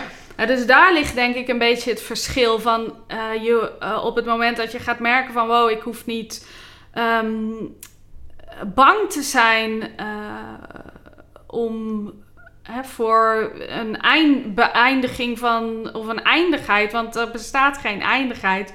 Straks laat ik dit lichaam achter, maar ik creëer gewoon door. Mhm. Ik ben nooit geboren en ik ga nooit dood. Mhm. Mijn lichaam is tot leven gekomen. Dat ben ik gaan belichamen. En dit lichaam laat ik straks weer achter. Maar ik geloof zelf ook wel dat als je volledig bewust bent, dat jij zelf kiest wanneer het klaar is. Ja. Hè, dus dat, er dat je dan op een gegeven moment denkt van... Ik heb het hier wel gezien, ik heb mijn taak eh, volbracht. Ja, maar wie is dan zelf die dat kiest? Ja, Dat is je ziel, ook weer goed, ja. Ziel, Ja. ja. die denkt van oké, ik ben klaar met deze ervaring in dit fysieke lichaam, in deze realiteit. Ik heb geleerd waarvoor ik hier kwam. Het is, ja, ik heb alles, eh, alles ervaren eh, waarvoor ik hier kwam en ik ga, ik ga door. ja. Ehm, dus eigenlijk zeggen er is wel een, een maartje-identiteit, maar dat is je zielsidentiteit. Klopt dat? Nee, je Maartje identiteit is mijn persoonlijkheid. Het is mijn persoonlijkheid. Ja. Dus je ziel heeft geen identiteit. Hè, maar die komt dit ervaren. Die ervaart Maartje. Ja. Omdat, ja, omdat ik dan nog steeds de zoektocht heb van... Wie, je bent dus niemand, maar, maar hoe weet je dan wel wat je moet doen? Eh, Nee, maar je, nee, je bent zeker. Kijk, Ja. als jij zeg maar je ogen dicht doet Mhm. en de energie die jij dan waarneemt, Mhm. de energie waarmee je waarneemt. Ik heb dus nu mijn ogen dicht, jongen. Ja. je kan met je aandacht nu naar je handen toe, bijvoorbeeld. Ja. Je kan met je aandacht naar je voeten toe. Mhm. Je kan met je aandacht naar Australië toe. Ja, ben ik nog nooit geweest, maar... Nee, ja. maar je, hè, je kan, daar kan je met je aandacht heen. Ja. Ja, en, dat, en alles in je lichaam heeft een bepaalde andere frequentie. Je hoofd voelt anders, de energie in je hoofd voelt anders, de energie eh, in je benen voelt anders, de energie in je handen voelt anders. De wa je ware zeg maar, energie zit eh, bij je hart. Mhm. En op het moment dat je helemaal af bent gestemd, voelt alles een beetje hetzelfde. Maar we hebben verschillende energiecentra, chakras, en die hebben allemaal een andere functie. Dus die energie in je verschillende chakras kan anders voelen. Het heeft allemaal een andere, een andere functie. Ja. Dus maar de energie die je echt bij je hart voelt. En eh, dan moet je eigenlijk nog. Dan moet je wat dieper gaan. Als eh, echt proberen in een meditatie te Mhm. doen. Maar de- een, een zijnsenergie. Een hele lichte energie. Dat is wie jij werkelijk bent. Ja. De, de rest is een ervaring. Oké. Maar dan ben je dus een groot, groot bewustzijn. Ja, misschien ga ik nu te lang door voor de maar, maar, dan, nee, maar je moet dat... ophouden, want dit kun je nooit begrijpen met, je, met je hoofd. En dat wil ik dus altijd. Ja, maar dat, ga, daar is de, daar, dat is niet de functie van, ons, uh, van onze gedachten. Nee, eens. Uh, dus, en ik, ik, ga ook niet uh, pretenderen dat ik exact weet hoe het werkt. Nee, snap en ik denk ook dat dat zinloos is, want dan um, je krijgt stukjes aangereikt en ja, dan neem je aan wat voor jou werkt en wat waarheid is. En zo, ja, zo. Ik zou er ook nooit conclusies aan trekken. Want kijk, um, er, is, zit geen er kan geen conclusie zitten aan creatie, want dan zeg je dat er een eindigheid zit en die is er niet. We zijn aan het ervaren, aan het leren en aan het creëren. Het is God die zichzelf aan het leren kennen is. En, die, en elke keer is er een stukje meer ruimte. Oh, dit kunnen we nog ervaren, dat kunnen we nog ervaren, dat kunnen we nog ervaren. En als jij denkt, dit is hoe het werkt dan doe je jezelf tekort. Dan trek je een conclusie aan iets wat in de kern oneindig is. En oneindigheid kunnen wij als mensen niet begrijpen. Nee. Je kunt, ik kan het uitspreken, maar ik kan dat ook niet ervaren. Nee. Maar dan, ja, dan had ik dus, maar misschien ga ik dan toch nog veel door. Dus, ah, je mag maar zo, en dan gaan we naar de volgende vraag. maar dan denk ik dus, waar vind je dan je zekerheid in? Dan zeg jij bijvoorbeeld in God of in liefde. Maar dan denk ik, In dat keuze creëert. Daar vind je je zekerheid in. Oké, dus dan moet je gewoon je zekerheid vinden in de keuze. Ja, gewoon uh, liefdevolle keuzes maken. Keuzes maken die voor jou werken. Oké, dat is het denk ik. En omdat ik dan zo heet het hierover na blijven denken, kies ik die heel vaak niet. Snap nee, dan ben je dus aan het onderzoeken, je bent aan het wachten. En dat is het ding van mensen denken altijd dat er in de toekomst iets gaat gebeuren. Terwijl, ja, dan kies je nu voor afwachtendheid. Mhm. En dat voelt heel onzeker. Want dan denk jij van, oh Walinda, hey, zorg voor me. Uh, ik, heb, uh, ik, ik weet nu niet waar ik aan toe ben. Ik weet niet wat er aan de hand is. Kies dan. Ja. Wat wil je nu ervaren? Ja, nu nemen we een super tof podcast op. Dus mm dat ik. Misschien snappen mensen er geen reden van. Ik heb er in ieder geval voor gekozen. Ja. ik hoop dat ik het een beetje oké uitleg. Maar oké, dus maak keuzes. Wees er voor jezelf. Kijk, heel veel mensen denken met spiritualiteit is dat het iets um, zweverigs of iets, dat, of het ascensieproces, dat je als het ware weggaat of naar boven gaat of de lucht in gaat. Mhm. Maar je gaat juist dieper je lichaam in. Klopt. En je gaat jezelf belichamen. Je gaat je lichaam als ziel belichamen als oneindige creator. Mhm. Dat is wat je gaat doen. Ja. Ik vind het ook zo. Ik heb altijd een paar woorden waar ik dan in een paar weken of maanden weet. En belichamen komt de laatste weken de hele mhm. tijd terug. Zal geen toeval zijn. Oké. Ehm, mm, mm. ja. Heb je nog wel eens dagen dat je denkt: de wet van aantrekking is allemaal onzin en mijn manifestaties zijn allemaal toeval? Nee. Oh. dat is makkelijk. nee, nee. Ik. Ehm, heb ik momenten. Mm, heel soms denk ik wel eens van. Heb ik nog wel eens een momentje dat ik denk van is er überhaupt wel iets wat we op die manier onder controle uh, hebben? Of uh, uh, ja, heel soms is er wel een momentje dat ik denk, ja, dit kan natuurlijk gewoon nog steeds mijn eigen ego zijn. Maar ik denk, ja, dat maakt niet uit. Het is oké, want het leven openbaart zich. Wat ik eigenlijk een beetje merk is op het moment dat je vanuit ego of controle komt, dan ervaar je heel veel contrast en weerstand en pijn in je leven. En kom je vanuit liefde of dan, ont, dan ervaar je heel veel liefde en vreugde en, en um, innerlijke vrede. En dus ik denk van ja, het leven spiegelt het terug aan mij als ik niet op het goede spoor zit. Want dan krijg je zaken als contrast, pijn, afwijzing. Mensen uh, doen bot tegen je. Het leven laat het je zien als je niet op het goede spoor zit. Als je niet God dient. Als je mhm. ego aan het dienen bent. Dus het enige wat ik hoef te doen is op te letten wat het leven mij terugspiegelt. Uh, en als het leven mij terugspiegelt dat ik op de goede spoor zit, omdat ik mooie dingen meemaak, ervaar, dan kan ik gewoon door blijven gaan. Als ik twijfel over is dit een, een keus vanuit ego of vanuit liefde, eh, dan laat het leven me het wel zien en dan kun je een nieuwe keus maken. Mhm. Dus ik denk van ja, daar hoef je op zich ook niet heel veel mee bezig te zijn. Het leven, dat is heel mooi. Het leven is een feedbackmechanisme. Het is je spiegel. Dus het leven laat je wel zien waar je op af bent gestemd. Je hoeft Ja. alleen maar te leren luisteren. Eens. Ehm, wat is voor jou het grootste wonder of magische moment wat je ooit in je leven hebt meegemaakt? Jeetje, zo. Het grootste, mooiste, magische moment. Ik denk dat er twee eh, dingen zijn. Het e- eerste, enig, nou misschien drie dingen die heel belangrijk zijn. Ik denk de geboorte van mijn dochter. Gewoon dat, die hele ervaring. Hè, dat je, ehm, ja, dat er zo'n wezentje uit je komt. Die dan in je heeft geleefd negen maanden lang. Ik denk de ontmoeting met mijn ex-man. Eh, hij, want hij is, we zijn nog steeds echt beste vrienden. We zeggen wel eens van we zijn een soort galactische broer en zus of zo. Maar we zijn echt soulmates. En ja, ook met de scheiding en zo. Dat, ja, we wisten gewoon het is over of het is klaar. Er is voor ons allebei een nieuwe fase. En nou, dat, ik denk, ja, zonder hem was ik hier niet gekomen. Hij is wel echt eh, zo belangrijk geweest. En ik denk de ontmoeting met mijn tweelingziel. Dat is, eh, ja, ik wist niet toen ik hem ontmoette dat hij mijn tweelingziel was. Maar dat is denk ik ook wel, eh, heeft een hele grote impact gehad op mijn leven.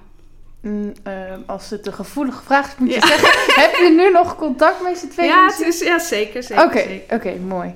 En hoe weet je nou... Ja, dat is weer de...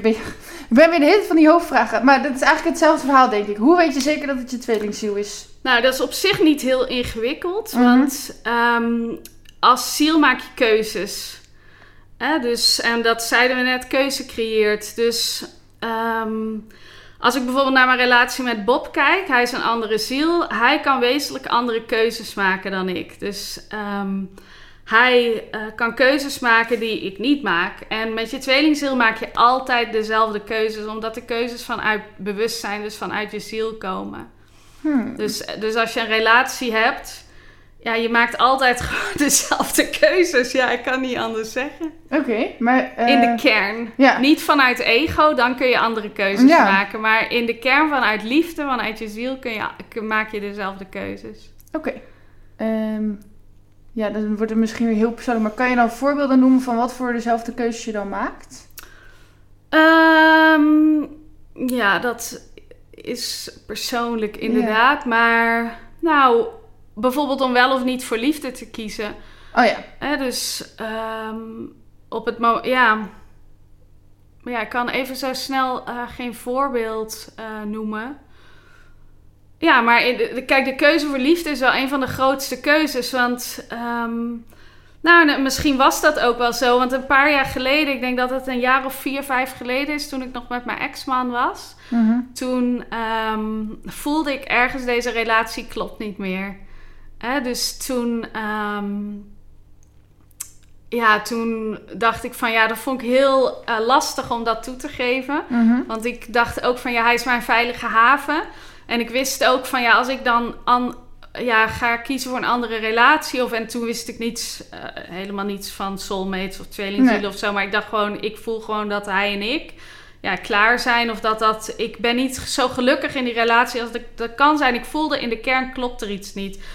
Dus toen dacht ik, ja, ik heb altijd gedroomd naar, naar ja, ik heb altijd geweten dat er iemand was voor mij. Of, en toen dacht ik, ja, ik wil eigenlijk gewoon open gaan staan voor die ultieme liefde. Hè, dus op dat moment is dat een keuze.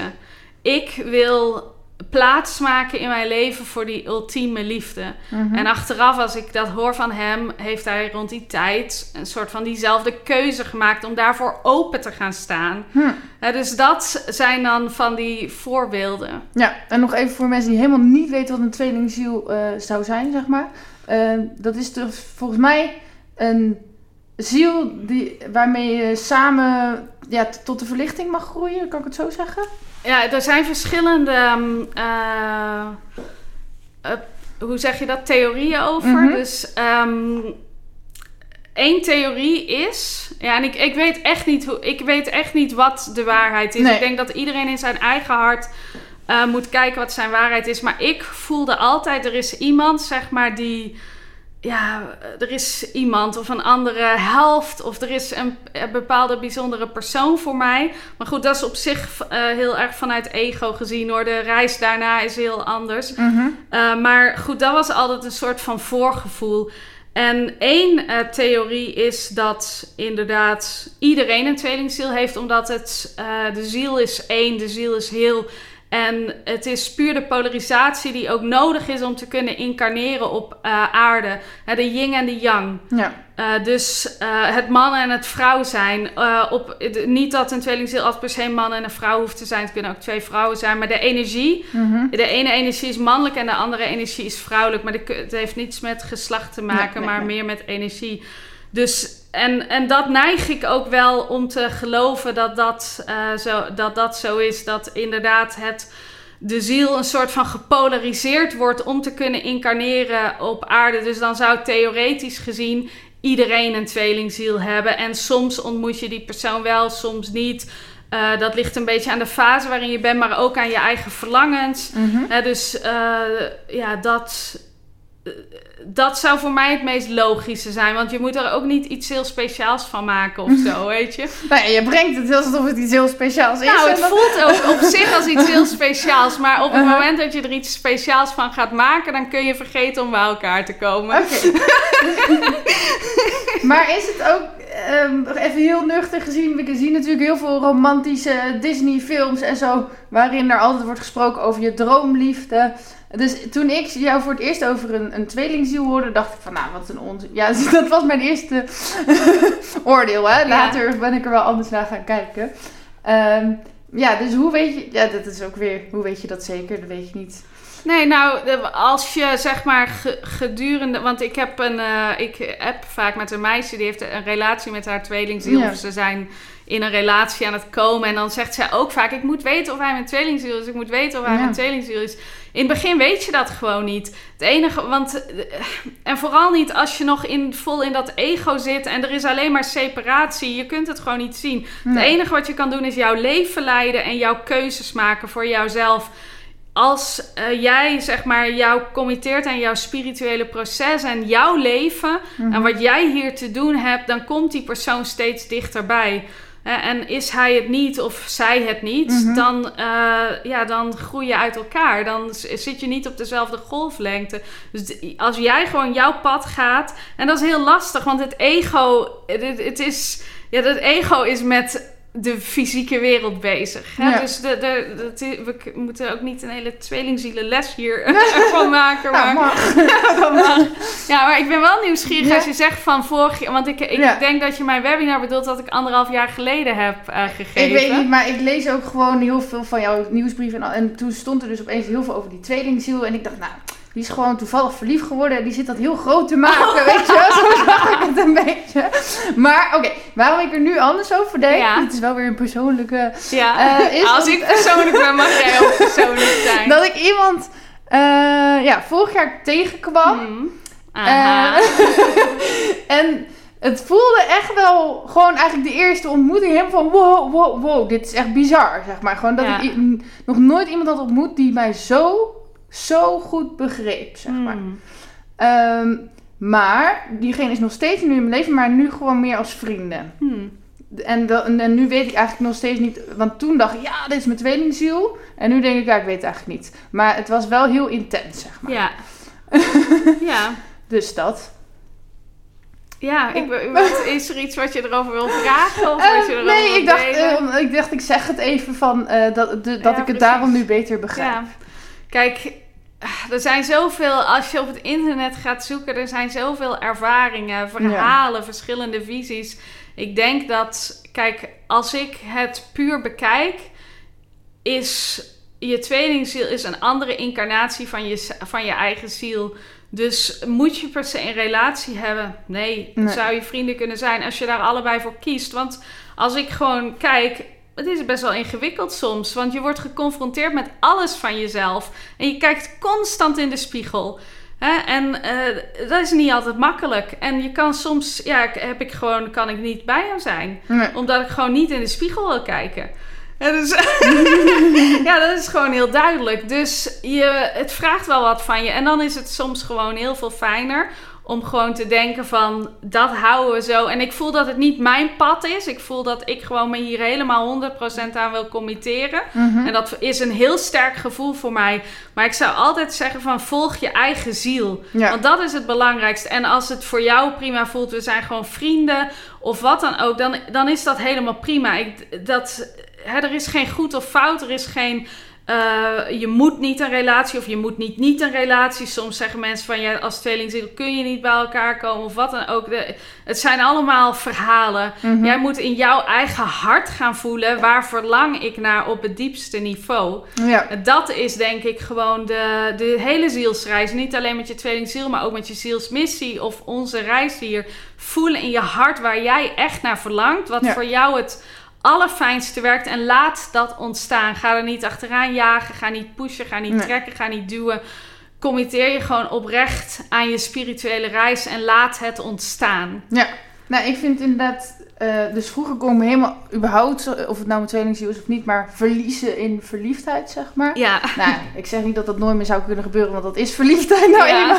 Maar ik merk wel dat ik gewoon mijn spirituele lessen belangrijker vind, Ja. zeg maar. En daarvoor gebeuren al die dingen ook dan, eh, ja, dat. Eh, maar is er iedereen niet een spiegel? Ik zie iedereen wel als een 100 spiegel. Alleen zeg maar, kijk, wij, eh, als wij spiegelen elkaar in de zin van. dat je komt op een bepaalde manier opdagen, maar je tweelingziel is 100% je spiegel. Niet qua zeg maar, persoonlijkheid Mhm. of qua interesses, aardse dingen, maar wel qua waardes en missie. Dus al die dingen die, die daaronder zitten, daar spiegel je elkaar 100%. Oké. Ehm, even kijken. Ja. ehm.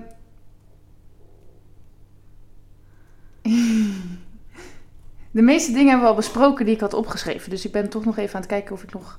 Ja, oké. Hoe ga je nou het beste om met contrast ehm, en anderen? Ja, dus, dus jij ervaart bijvoorbeeld ergens... eh, Ik, ik ervaar bijvoorbeeld heel vaak pijn. Mm. En dan wil je, ik wil dan eigenlijk niet dit, het zeggen ik heb pijn, want dan trek je pijn aan. Fysieke pijn. Ja, maar je wil ook niet je pijn onderdrukken. Nee. Ehm, maar als je tegen iedereen gaat zeggen eh, ik heb pijn, dan gaan ze ook weer van oh gaat het en eh, hoe gaat het met je pijn en Ja. dan gaan ze je zien als ziek. Maar als je echt heel veel pijn hebt, dan wil je ook weer niet, ehm, dan wil je ook weer dat mensen rekening houden dat je even wat minder energie hebt. Dus ja. pijn is misschien niet per se, het hoeft niet altijd pijn te zijn, maar hoe ga je om met contrast? Dat er iets is waar wel rekening mee gehouden moet worden, ehm, maar je wilt er niet op afstemmen. Nou, jij moet er zelf rekening mee houden. Dat is Mhm. denk ik het belangrijkste. Voor mij is, kijk, pijn is niet onze natuurlijke staat van zijn. Voor mij is pijn altijd een teken. Je bent ergens uit balans. Eh, dus dan, ik zou er niet op afstemmen, maar ik zou wel een gesprek aangaan met de pijn. Of van wat wil je mij vertellen? Waar ben ik niet in balans? En dan zou ik gaan voelen totdat ik voel wat er aan de hand is. Of als ik het niet voel, voor heel veel mensen eh, is dat lastig. Want die weten niet, eh, als ik dit zo zeg, van Mhm. ja, wa- wat, eh, wat zou je daarmee bedoelen? Maar dan kun je sowieso naar iemand toe die het met je uit kan zoeken. Naar een bewustzijnscoach of een lichaamstherapeut of zoiets. Ja. Die kan redelijk goed, als die persoon goed is in zijn werk, kunnen ze redelijk goed met jou erachter komen van wat wil die pijn jou vertellen. Dus daar zou ik mee aan de slag gaan. En ja, eh, Ben ik al mee bezig trouwens hoor. Dus ik weet denk ik ook waar het door komt. En ik weet ook wat er nog niet afgestemd is. Maar ja, zolang dat dus nog zo is, eh, ja, heb je wel soms dat je dus nou, midden in de pijn zit. En Ja. dat je eigenlijk dat niet de hele tijd wil zeggen tegen mensen. nee, maar goed, op het moment dat jij rekening houdt met jouw grenzen, dan doen mensen dat automatisch. Dus als jij de validatie voelt om te vragen of mensen rekening met je willen houden, dan zeg mij dat dat jij nog niet genoeg rekening met jezelf houdt. Want als jij het doet, doen zij het automatisch. Eens. Ja. Ja, alleen dan, maar dat is dan ook weer mijn eigen stemmetjes in mijn Ja. hoofd. Ja, wat ik er ook dan weer spiegeld krijg is ehm, ehm, van, eh, ja, eh, je, je zit nu wel de hele tijd te zeuren over je pijn, maar dat is dan ook wat ik van mezelf ja, vind. dat is wat je. Ja. ja. Oké, inzicht, ja. Ja. Het is eigenlijk, ik, ik hoop eigenlijk dat er een keer een vraag komt dat je gewoon geen antwoord hebt. Je hebt overal een antwoord. is het mogelijk om echt onvoorwaardelijk te geven? Alles is mogelijk. Ehm, ik denk wel dat het echt een uitdaging is. Ja. Ja, want kijk, onvoorwaardelijk geven, dat vraagt wel een onvoorwaardelijk vertrouwen in God ook. Nou, dus dat je alles wat je geeft, geeft zonder er iets voor terug te verwachten. Dan moet je echt weten dat er onvoorwaardelijk voor je gezorgd wordt. Dus ik denk dat het mogelijk is. Ik denk dat het een spirituele ontwikkeling is om, Ja. om dat te leren. Net zoals onvoorwaardelijke liefde. Hè, dat is een echt een oefening, oefening, oefening, oefening om dat te leren. Want de meeste mensen weten niet eens wat liefde is of wat echt geven is. De meeste mensen geven zodat ze later iets kunnen krijgen. Ja. Dus ja, dat en hetzelfde als met liefde geven om iets terug te krijgen of om een bepaalde gebrek in zichzelf te vervullen of een bepaald gat in zichzelf te, op te vullen. Dus ja, ik denk dat het zeker mogelijk is. Ik denk Mhm. niet dat het makkelijk is. Nee. maar als ik dan iets aan jou geef, Ja, ehm, dan krijg ik daar een goed gevoel van, hè? ja maar is dat het dan nog wel onvoorwaardelijk? Want dan heb ik misschien ook gegeven omdat ik er een goed gevoel van krijg. Nee, ik denk dat geven je gewoon... Een, ik, ik denk dat je geeft omdat je een goed gevoel hebt. Ja. Ik denk als je blij bent en gelukkig en je bent in connectie met God, dat je makkelijk geeft, omdat je weet, ja, het, het, is, het maakt niet uit. Ja. En je voelt die inspiratie om te geven. En dat goede gevoel, heb je dat van het geven of heb je gewoon een goed gevoel? Dat is de vraag. Ik denk allebei. Ja, dus dat goede gevoel heb je dan vanzelf. Komt dat echt door het geven?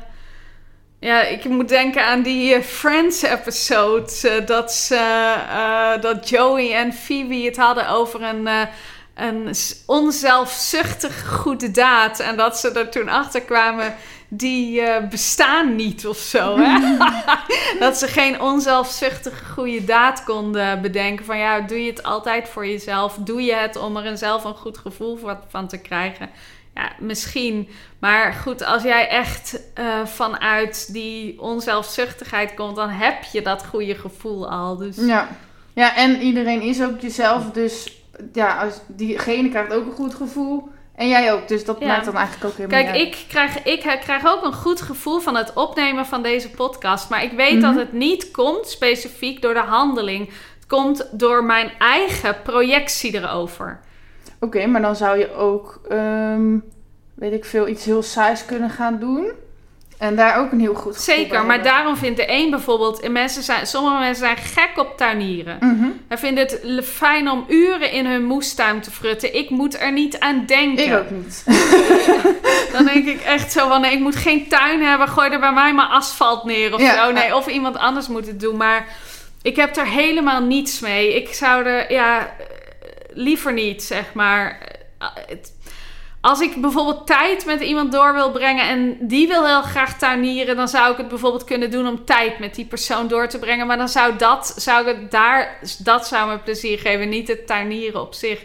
Dus we hebben allemaal eh, dingen. En sommige mensen vinden bijvoorbeeld het leuk dingen, administratieve dingen. Of, eh, dus ja, zelfs voor de een wat jij bijvoorbeeld saai zou noemen, zou voor de ander heel vervullend zijn. En net zoals als ik bijvoorbeeld opnoem wat mijn leven is. Van ja, ik doe eigenlijk alleen maar een beetje gesprekken met vrienden. En ik mediteer of ik wandel of ik doe mijn werk of ik ben met mijn dochter. Ja, denken mensen ook, wow, dit is echt saai. Nou, ik vind Maar ik niet vind het saai, heel hoor. fijn en rustig. Ja. En eh, ja, heel gewoon heel fijn. Ehm, waar ervaar jij nog blokkades? Oh, ik kom elke dag nog dingen tegen. Want ja, ik denk dat dat, dat hoort er ook. Maar ik, als je het een blokkade noemt, wordt het Mhm. ook zo'n groot ding. Het is meer een foutieve perceptie over het leven. Ik denk dat ik dat woord blokkade van jou heb geleerd, hoor. Ja, nee, ja. ja, maar ik zeg het even voor, eh, voor de mensen die luisteren. Nou, een blokkade kan ook zo zijn van ik kom er niet langs of zo. Maar Ja.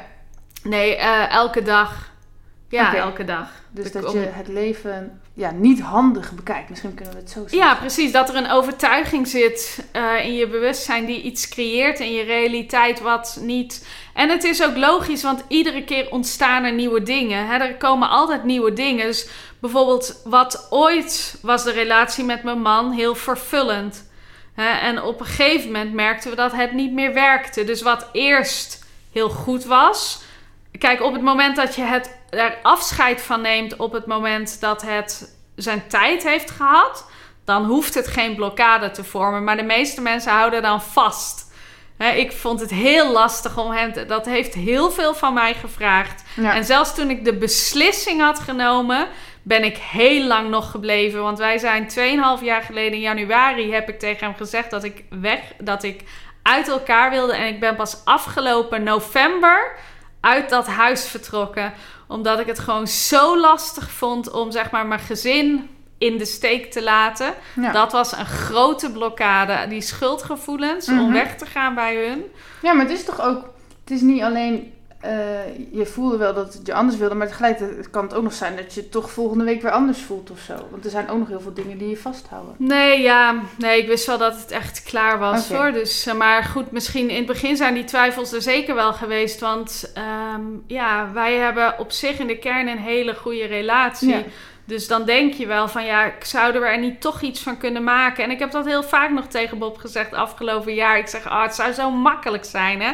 Als wij, dit, als wij gewoon dit konden laten slagen. Maar goed, het leven is om te groeien en te ervaren en te ontdekken. Dus ja, makkelijk is ook ja, niet, dat heeft geen functie op een gegeven moment. Hè? Want daar heb je alles uitgehaald wat je eruit kon halen. Wij hebben alles uit die relatie gehaald wat we eruit konden halen. En dan is het ook gewoon over. En dan komen er nieuwe mensen die je helpen laten groeien. Want relaties zijn meer ook om te groeien. Ja. En vroeger hadden we dat nodig voor ons voortbestaan. Ja, dat voortbestaan is wel vooral in de westerse wereld is wel redelijk oké. Mhm. De meeste mensen die overleven wel. En nu ja, is het ook om naar die volgende fase te gaan. Dus relaties zijn meer voor groei nu dan voor overleven. En vroeger had je die mensen nodig of had je je tribe nodig. Eh, en nu, ja, jij woont hier alleen, Ja. ik woon alleen. Mhm. Wij kunnen prima alleen wonen. Ja, En we maar hebben heb elkaar wel nodig. nodig. ja. ja.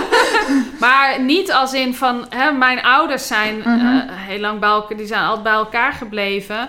Van omdat, ja, mijn ouders hadden, het was misschien ook al een andere tijd, maar vroeger had je elkaar letterlijk nodig om te overleven. Ja. Want de, eh, ja, dat, dat, dat, als je niet andere mensen om je heen had, dan ging je dood. Ja. Wij- Oh. Nee, ja, dan ging je, maar dat was zo. Ik bedoel, jij kunt hier gewoon de hele dag alleen zitten. Ja. Je bestelt je boodschappen Ja. online. Ja. eh, je kunt alles online Ja. doen. Je hoeft geen mens te zien. Nee, maar hebt- aan de andere kant, over onvoorwaardelijke liefde gesproken, zullen er ook nog wel mensen zijn die dan eh, zeggen van ja, maar het is juist niet makkelijk om eh, bij elkaar te blijven, want hè, je hebt, eh, jij was bijvoorbeeld zelfs getrouwd, dus je hebt een soort belofte gedaan. Dus hoor je dan altijd bij elkaar te blijven en ook als jij voelt dat je door zou moeten, zou je dan onvoorwaardelijk voor dat huwelijk moeten kiezen, zeg maar. Ja, maar dat is een, dat is een aards contract, hè. Dat, Ja. dat ja, dat...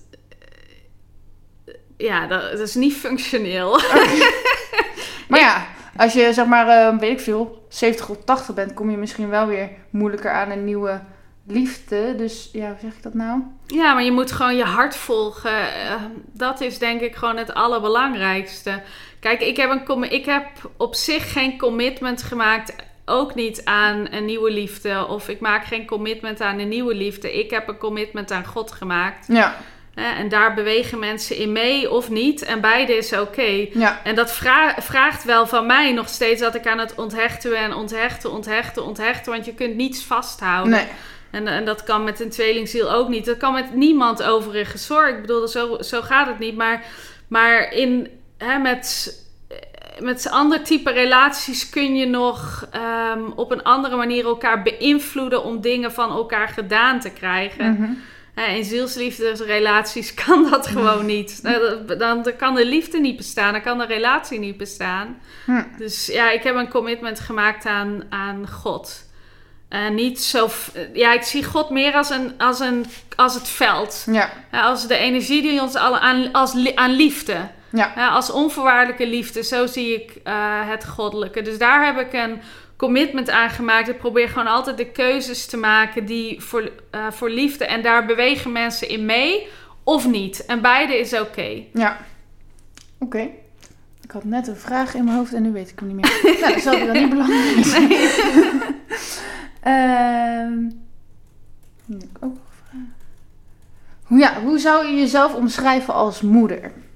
Oh, ik heb echt... Uh, poeh.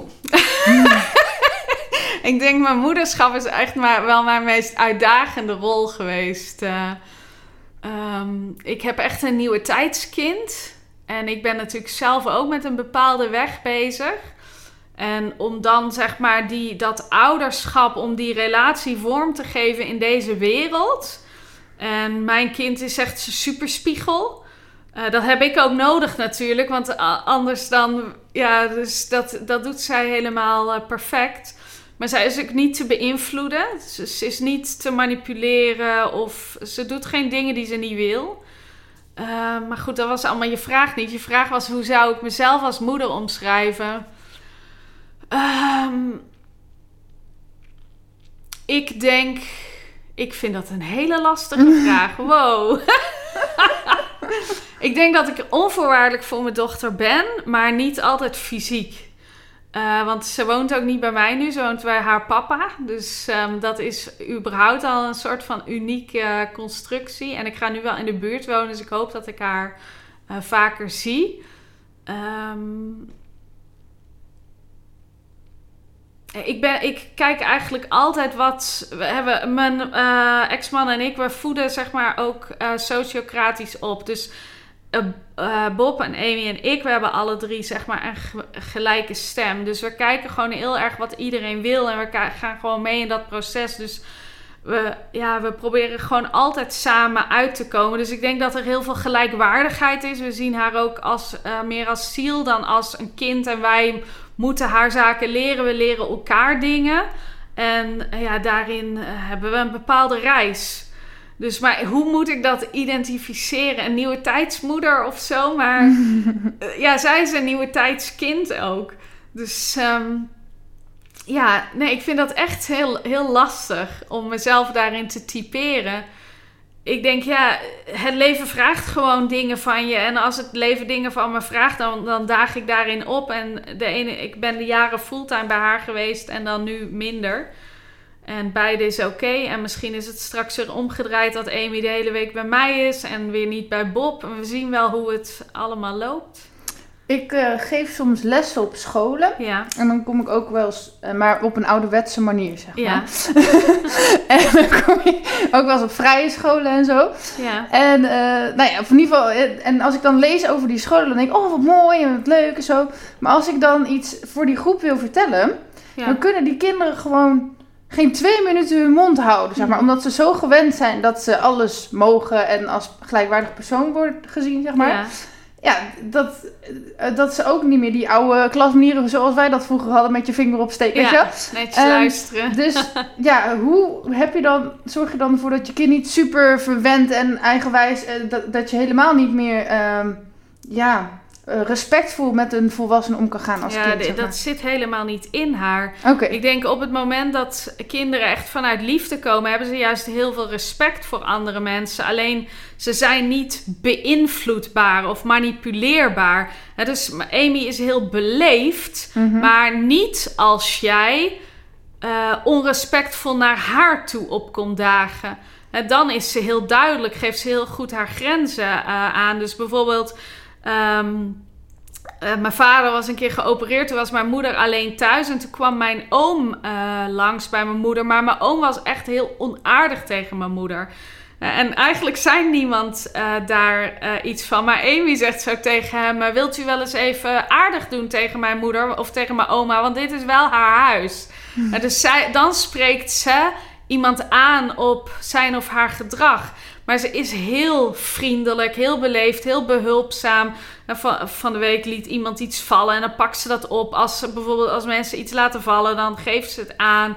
Uh, dus ze is heel bedachtzaam op wat mensen nodig hebben en zo. Uh, ze heeft een hele rijke innerlijke wereld. Dus ze, ze, zij hoeft juist helemaal niet het hoogste woord te hebben. Juist het tegenovergestelde van... Mhm. Ja, ik praat nu ook veel, maar uh, Mhm. omdat jij me vraagt Ja. stelt. eh, ik denk dat het juist andersom is van je praat wanneer het nodig is... of wanneer het je gevraagd wordt. En je, eh, op het moment dat jij dat verhaaltje schetst van een klas vol met kinderen... die niet naar jou luisteren... Mhm. Uh, dan dat voelt meer als zij zijn op een bepaalde manier op zoek naar validatie of ze moeten iets kwijt of ze proberen het hoogste woord uh, te hebben. Ja, dat, dat herken ik helemaal niet bij uh, mijn dochter. Ze kan op, met tijden drukker zijn natuurlijk. Mhm. Maar als daar, gewoon, als daar gewoon de ruimte voor is, als zij het gevoel heeft dat andere mensen haar overschreeuwen, dan zal zij zich wel terugtrekken uit die situatie. Zij zal niet in die situatie blijven zitten. Zij zal, als het in de huiskamer is, zal ze naar haar kamer gaan. Als het in de klas zit, zal ze de klas uitgaan. Zij gaat niet dit laten doen of zich laten onderdrukken of domineren of zo. Dan trekt ze zich terug uit de situatie. Ze, als ze ergens niet op haar gemak is of als ze niet met iemand om wil gaan, dan zal ze dat ook gewoon zeggen. Ja. En geef je dan nog grenzen aan in je opvoeding of is dat dan niet nodig of hoe moet ik dat zien? Uh, ik, nou, tuurlijk, want ik heb, wil natuurlijk ook, uh, zijn bepaalde dingen die ik wel of niet wil. Maar het belangrijkste is wel dat ik zie, zij is mijn spiegel. Dus als er iets in haar gedrag is wat mij opvalt, dan zal ik altijd eerst in mezelf gaan kijken. Uh, ook met de hele scheiding hebben Bob en ik afgesproken, want toen had Amy ook wat gedrag waar we ons... Mhm. Beetje zorgen maakt. Toen zeiden we: Oké, wij gaan eerst naar een coach om aan te kijken wat er in ons zit. En als wij het gevoel hebben dat wij klaar zijn, dan gaat zij pas. Want uh, het probleem is dat mensen uh, eerst proberen hun kinderen te veranderen, terwijl ze eerst naar zichzelf moeten kijken. Ja. Dus nu hebben wij zoiets: Oké, okay, wij hebben harmonie. Volgens mij zijn wij oké okay met deze situatie. Bijna. Mm-hmm. Uh, dus nu wordt het tijd voor haar om. En, en nu wil ze ook. Ja. Hè, dus nu heeft ze ook zoiets van: ja, ik ga naar de paardencoach, dat is goed. Hè, dus, want het is natuurlijk ook een ding voor een kind als haar ouders gaan scheiden. Ja. Is toch altijd, en uh, ze is verhuisd ook weer, dus hè, moest verhuizen. Dus dat is toch, um, is toch je weg uh, erin vinden. En het is denk ik voor iedereen gewoon een uitdaging. Voor iedere ziel, uh, vooral als je een beetje bewuste ziel bent om op aarde te zijn. Dus het is altijd fijn om een beetje hulp daarbij te krijgen. Mm-hmm. Even kijken. Nou, mooi hoe je dat omschrijft trouwens. um, hoe wil je dat mensen je herinneren als je bent overleden? Wil je dat überhaupt? Goh, jeetje, wat een vraag. Um, dat maakt me op zich niet zo heel veel uit. Ik zou gewoon willen dat als ik uh, wegga hier, dat ik het gevoel heb dat ik alles heb gegeven wat ik kon geven. Dat ik iedere dag alles heb gedaan uh, om op te komen dagen op de manier waarop ik wist dat ik het kon. Dus op mijn hoogste manier. Um, als ik in dat proces mensen positief heb kunnen beïnvloeden, dat zij hun vertrouwen in het leven is gegroeid en dat zij met meer liefde en vrede in hun leven kunnen zijn en dat zij meer vertrouwen hebben en ja, dat zou ik heel erg fijn vinden. Uh, als ze het echt goed doen, dan gaan ze niet denken dat komt door Maartje. Dan gaan zij denken wat fijn dat dit door God aan mij is gegeven. Dus ja, als ik het mijn werk goed doe, gaan mensen dan niet direct aan mij, aan mij denken. Maar weten ze gewoon dat het allemaal via dezelfde bron, uh, ja. bron komt en erkennen ze dat. Uh, dus, maar dat hoop ik voor mensen. Ik, um, ja, natuurlijk is dat mijn wens voor mensen. Ik weet wel dat uh, het niet voor iedereen nu zo gaat zijn. Hè? Niet iedereen gaat die keuze maken voor liefde. Heel veel zielen die gaan ervoor blijven kiezen om in die uh, energie van angst te blijven. En, uh, en dat is oké. Okay. Nou, voor mij ben je dat in ieder geval wel heel, heel, lang. Ja, we zeggen dat heb je dat wel betekend. Dus ik Ja. snap dat, dat het God was. Maar Ja. in mijn leven had jij heel veel goddelijkheid, zeg maar. Nee, maar ik vind, dat wel, kijk, ik vind het wel fijn om Ja. te horen, want dat betekent wel dat ik ook mijn missie aan het vervullen ben. Ja. En dat ge tuurlijk geeft mij dat een goed gevoel, want dat is mijn missie. En Mhm. mijn missie geeft mij een goed gevoel. Ja, Dus ik vind dat natuurlijk wel fijn om te, om te horen. Ik bedoel, zo is het niet.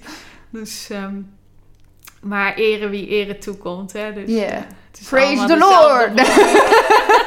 Met- Vroeger heb ik godsdienst gestudeerd, hè. En toen ging ik heel vaak naar de kerk en zo. En dat eigenlijk eh, eh, kwam ik jou juist tegen toen ik dat allemaal een beetje los had gelaten. Ja. En nu zit ik hier, praise the Lord. Nou, ik heb, ik heb heel lang gedacht, Mhm. ga ik het woord God wel of niet gebruiken? Ja. Want ik weet gewoon, op het moment dat ik het gebruik, eh, dan komt er een plaatje in mensen hun hoofd van die oude man op een wolk of weet ik wat. En dat is totaal niet hoe ik het bedoel of hoe ik het ervaar. Ik had ooit het boek van Anita Moriani gelezen. Ik moest doodgaan om mezelf te kunnen worden. En zij had het, eh, zij zei: God is not a being, it's a state of being. Het is een vorm van bewustzijn. Dus maar als mensen zichzelf identificeren met hun mens zijn, identificeren ze God automatisch met het mens zijn. Dus ik heb heel lang, en heel veel mensen doen dat ook, die gebruiken bijvoorbeeld de bron of het universum. En ik heb heel lang gedacht, zal ik dat ook doen? Ik kan bijvoorbeeld ook liefde gebruiken. Maar uiteindelijk dacht ik, nee, maar het feit, de overtuiging, de perceptie over God is juist een van de problemen. Dus ik ga het woord juist gebruiken met de hoop dat mensen hun perceptie kunnen veranderen. En dat ze hun perceptie kunnen veranderen van God als een of andere narcistische, dominante man die over ons leven beslist, naar de staat van zijn, naar de liefde die in ons hart zit. Mhm. De liefde die in mijn hart zit, is de liefde die in jouw hart zit, die ons verbindt. Dat is God. Ja, Dus ik denk, ik ga het juist gebruiken in de hoop dat ik bij kan dragen aan de heling op het woord God. ja, en het grappige is dus dat ik juist, toen ik jou dus ooit tegenkwam, het hele woord God had losgelaten. Ja. Want, eh, eh, waarom? Omdat het woord God, wat God is, weer beperkt. Dus Ja. toen had ik juist gezegd, ik weet het niet. En dat is het meest eerlijke antwoord wat er is. En leef maar gewoon door me heen, dan zie ik wel wat Ja. het is. En toen kwam jij. Ja, En toen later ging je wel God gebruiken. dacht ik, ja, maakt niet uit. Nee, maar het maakt ook niet Nee. uit. Er is geen goede of foute keuze. Ik heb gewoon, als ik, eh, als ik invoel op het woord God, is het de meest pure, cre- creatieve energie die, eh, als ik er een woord voor moet vinden die je kan vinden. Het heeft de juiste resonantie. Alleen mensen projecteren hun eigen niveau van bewustzijn erop. Ze projecteren hun eigen overtuigingen erop. Dus het woord zelf heeft niet voor iedereen dezelfde betekenis of hetzelfde gevoel. Maar kijk, uiteindelijk inderdaad van als je er geen weerstand tegen hebt, maakt het ook niet uit wat ik wel of niet gebruik. Nee. Dus eh, aan het einde van de dag maakt het ook niet uit. Nee. De- Maar voor mij voelt de keus gewoon het allerbeste. Ik ben er wel echt jaren mee bezig geweest. Door van wat ga ik doen, wat ga ik doen. Maar het woord is gewoon voor mij het beste woord. Ja. Ik eh, had nog heel veel meer vragen, maar antwoordde het wel heel erg lang. dus ik vind dit eh, mooi zo, denk ik. Of wilde je nog heel graag één ding, heel belangrijk ding kwijt? Nee, ik eh, geef gewoon antwoord op jouw vraag. Oké.